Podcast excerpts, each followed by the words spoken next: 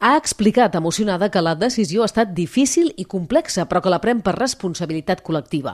Venturós ha demanat que s'acabi amb l'estigma de la salut mental. Serveixi, doncs, aquesta roda de premsa també per ser un crit contra l'estigma en matèria de salut mental, cosa que tampoc haurien de reivindicar, sinó senzillament normalitzar. I més en un context on socialment és cada dia més hostil, que ens aboca la misèria moral, material, humana i de valors. Va arribar a l'alcaldia contra tot pronòstic el 2015 i el 2019 fregava la majoria absoluta. Va ser el primer càrrec públic detingut per desobediència, pel cas de l'estelada. L'actual alcalde en funcions, el copaire Ivan Sánchez, la substituirà.